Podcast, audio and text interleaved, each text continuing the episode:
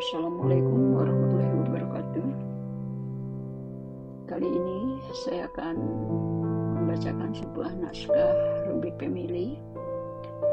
Naskah ini dikhususkan buat putriku sendiri yang akan milad tanggal 6 Maret.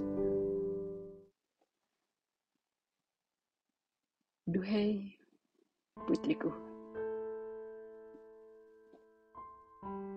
23 tahun kini usiamu nak. Titian perjalanan waktu yang telah engkau lewati. Yang bagaikan sekejap mata.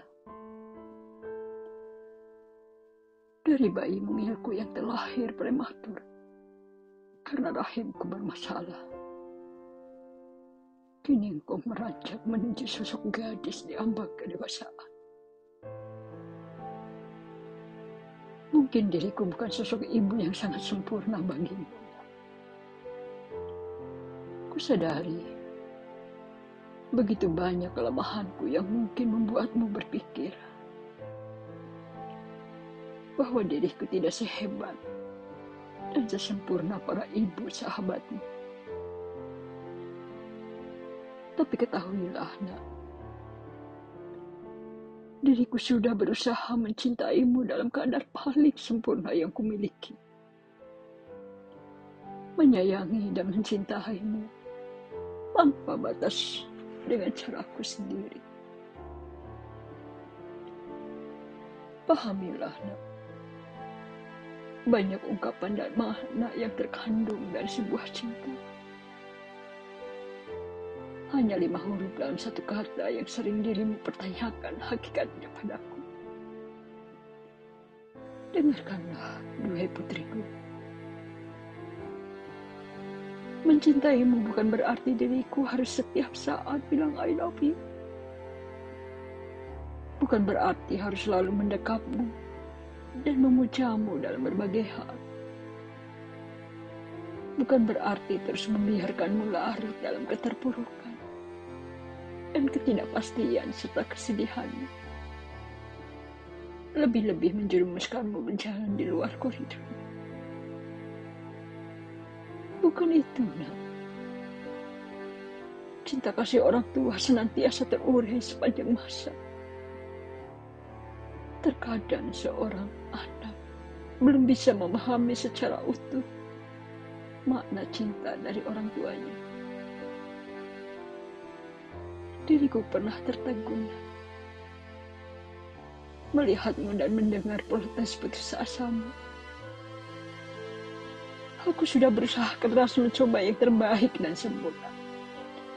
Namun selalu dianggap gagal dan salah.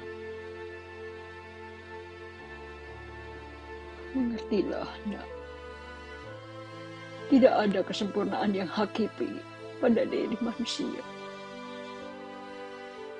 Karena kesempurnaan hanyalah milik Allah Subhanahu wa taala. Namun tidak ada salahnya jika kita berusaha untuk bisa sempurna. Sempurna bukan dalam pengertian di depan manusia, tetapi semata di hadapan. Tidak perlu mengejar penilaian manusia, karena hanya akan melelahkanmu tapi kejarlah penilaiannya untuk mengumpulkan pundi-pundi amalan terbaikmu untuk akhirat kelak. Cobalah renungkanlah sebentar, nak. Terkadang Allah mendewasakan kita dengan berbagai ujiannya. Membentukmu menjadi sosok yang lebih tegar. Dengan terpaan kerikil-kerikil tajam yang menampar mengambil hikmah dari peristiwa apa pun yang menimpamu.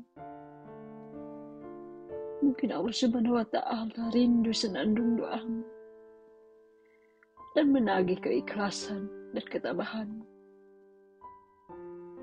Jangan membuatmu hanyut dalam kesedihan apalagi putus asa. Aku tahu ada jiwa yang rapuh, ada tangisan yang tersekat, serta kemarahan dan pemberontakan yang ingin dirimu luapkan. atas kekecewaan dan gundah gulana